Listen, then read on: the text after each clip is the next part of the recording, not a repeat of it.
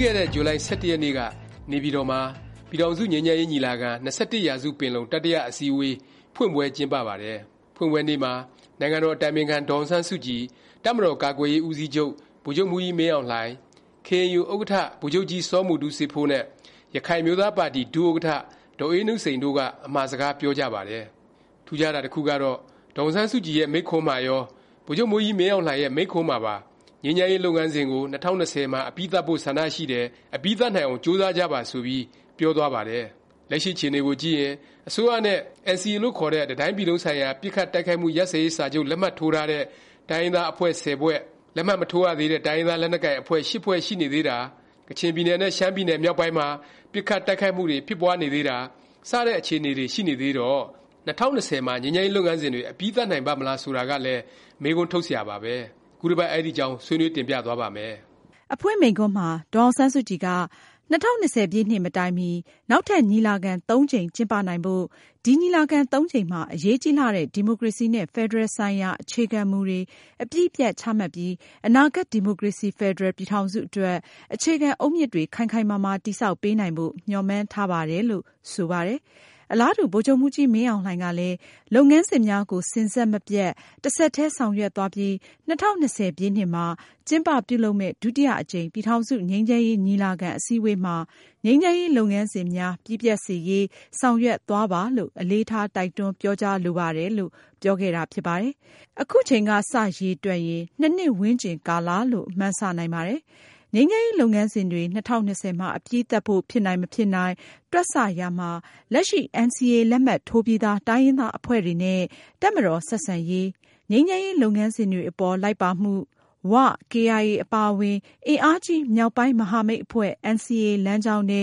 ရောက်လာနိုင်ခြေ ရှိမရှိ၊ရှိခဲ့ရင် ငြိမ်းချမ်းရေးလုပ်ငန်းစဉ်အပေါ် လိုက်ပါမှု၊တပ်မတော်ရဲ့ ငြိမ်းချမ်းရေးအပေါ် သဘောထား၊ ငြိမ်းချမ်းရေးဖော်ဆောင်ရေးနဲ့ ပတ်သက်ပြီး ဒေါ်အောင်ဆန်းစုကြည် ဦးဆောင်တဲ့အင်န်အယ်လ်ဒီအစိုးရရဲ့ အရည်အချင်းအားလုံးကို တွက်ဆရမှာဖြစ်ပါတယ်။လက်ရှိအခြေအနေ NCA လက်မှတ်ထိုးထားတဲ့ အဖွဲ့တွေထဲက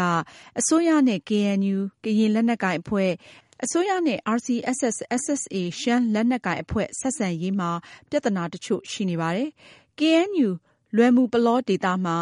တပ်မတော်ဘက်က လမ်းဖေါက်လို့ တိုက်ပွဲတွေ ဖြစ်ပွားခဲ့ပြီး လက်ရှိအချိန် လုံး၀ပြေလည်သွားပြီလို့ မဆိုနိုင်သေးပါဘူး။ RCSS/SSA ရှမ်းလက်နက်ကိုင်အဖွဲ့နဲ့ ဆိုရင်လည်း လူမျိုးအလိုက် ကျင်းပဖို့ ပြင်ဆင်ထားတဲ့ အကြိုစည်းဝေးပွဲတွေကိစ္စ တပ်မတော်ဘက်က တားမြစ်မှုတွေနဲ့ ကြုံရပြီးနောက်ပိုင်း ခုချိန်ထိ ပြေလည်မှု မရသေးပါဘူး။ အရင် ဒုတိယအကြိမ် ပင်လုံအစည်းဝေးကာလ ပြည်ထောင်စုသဘောတူစာချုပ်ရဲ့ အစိတ်အပိုင်း အဖြစ်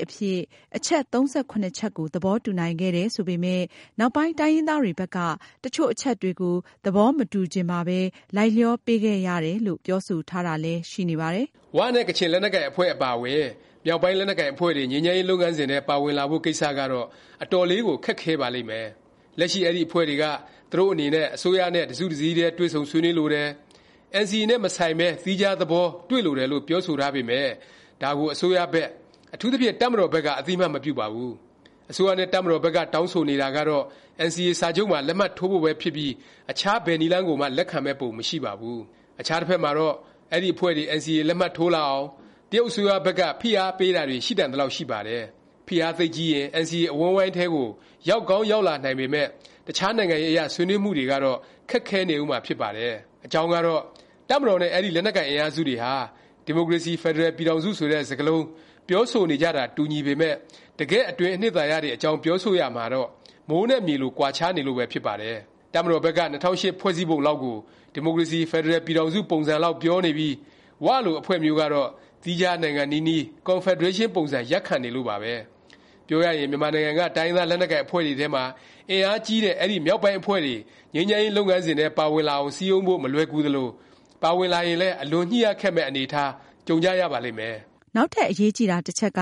တပ်မတော်ရဲ့ငြိမ်းချမ်းရေးနဲ့ပတ်သက်တဲ့သဘောထားပါ။ညီလာခံဖွင့်ပွဲနေ့ဗိုလ်ချုပ်မှူးကြီးမင်းအောင်လှိုင်ရဲ့မိန့်ခွန်းကိုလေ့လာကြည့်ရင်တပ်မတော်စစ်ခေါင်းဆောင်တွေရဲ့တင်းမာတဲ့သဘောထားကိုမြင်တွေ့ကြရပါလိမ့်မယ်။ သူ့မိန့်ခွန်းထဲမှာ ပြည်တွင်းလက်နက်ကိုင်အဖွဲ့အစည်းတွေပေါ်လာတာ၊ပြည်တွင်းပဋိပက္ခတွေဖြစ်ပွားလာတာ တပ်မတော်နဲ့ ဘာမှ မဆိုင်ဘူး၊တပ်မတော်က ဘာအမှားမှ မလုပ်ခဲ့ဘူးလို့ ဆိုထားပါတယ်။ဒီနေ့ ငြိမ်းချမ်းရေးလုပ်ငန်းတွေကို နိုင်ငံတော်အစိုးရနဲ့ တပ်မတော်က တက်ကြွစွာ ဦးဆောင်ဆောင်ရွက်နေခြင်းဟာ ကျနော်တို့မှာ အင်အားချိနဲ့နေလို့ မဟုတ်ဘူးဆိုတာ သတိချက်စေလိုပါတယ်လို့ ဆိုပြီး ပြောပါတယ်။ မိန့်ခွန်းတစ်နေရာမှာတော့ နိုင်ငံရေးသမားတွေ၊တိုင်းရင်းသားတွေအနေနဲ့ ငြိမ်းချမ်းရေးဆွေးနွေးပွဲနဲ့ ဆက်စပ်ပြီး ဖွဲ့စည်းပုံအခြေခံဥပဒေပြင်ဆင်ရေး ဆောင်ရွက်ချင်နေတာကို သူတို့သိတဲ့အကြောင်း၊ သူတို့အနေနဲ့ကတော့ ဖွဲ့စည်းပုံပြင်ချင်ရင် ဖွဲ့စည်းပုံပါ ပြဌာန်းချက်အတိုင်းပြင်ဖို့၊တစ်နည်း တပ်မတော်သဘောတူမှ ပြင်ဖို့၊အထူးသဖြင့် နိုင်ငံတော်ဇ။် အမျိုးသားနိုင်ငံရေး ဦးဆောင်မှုအခန်းကဏ္ဍတွင် တပ်မတော်က ပါဝင်ထမ်းဆောင်နိုင်ရေးတို့ကို အစဉ်တစိုက် ဦးတည်သည် ဆိုတာ ပါဝင်တဲ့ နိုင်ငံတော် အခြေခံမူ ၄၈ ချက် ခိုင်မာတည်တံ့ဖို့ လိုတယ် ဆိုပြီး ပြောဆိုခဲ့ပါတယ်။ ပြောရရင် ငြိမ်းချမ်းရေး တည်ဆောက်ရေးနဲ့ ပတ်သက်ရင် တပ်မတော်ဘက်က အပေးအယူ အညှိအနှိုင်း ဆိုတာထက် သူ့ရပ်တည်ချက် အပေါ်မှာပဲ ရပ်ခံသွားမယ် ဆိုတဲ့ သဘော မြင်တွေ့ရပါတယ်။နောက်ထပ် အရေးကြီးတစ်ချက်ကတော့ ငြိမ်းချမ်းရေးနဲ့ ပတ်သက်ရင် လက်ရှိ အင်န်အယ်လ်ဒီ အစိုးရရဲ့ စွမ်းဆောင်ရည်ပါ။ငြိမ်းချမ်းရေး တည်ဆောက်ရေးနဲ့ ပတ်သက်ရင် အင်န်အယ်လ်ဒီ ဘက်က စွမ်းဆောင်ရည်ဟာ အားရစရာ မကောင်းပါဘူး။ ဒီအချက်လက်အားလုံးကိုခြုံငုံသုံးသပ်ကြည့်လိုက်ရင်2020မှာငြိမ်းချမ်းရေးလုပ်ငန်းစဉ်အပြီးသတ်ဖို့ဆိုတာမျှော်မှန်းချက်ဆိုတာကလွဲပြီးတကယ်ဖြစ်နိုင်ပွဲမရှိပါကြောင်းသုံးသပ်တင်ပြလိုက်ရပါတယ်။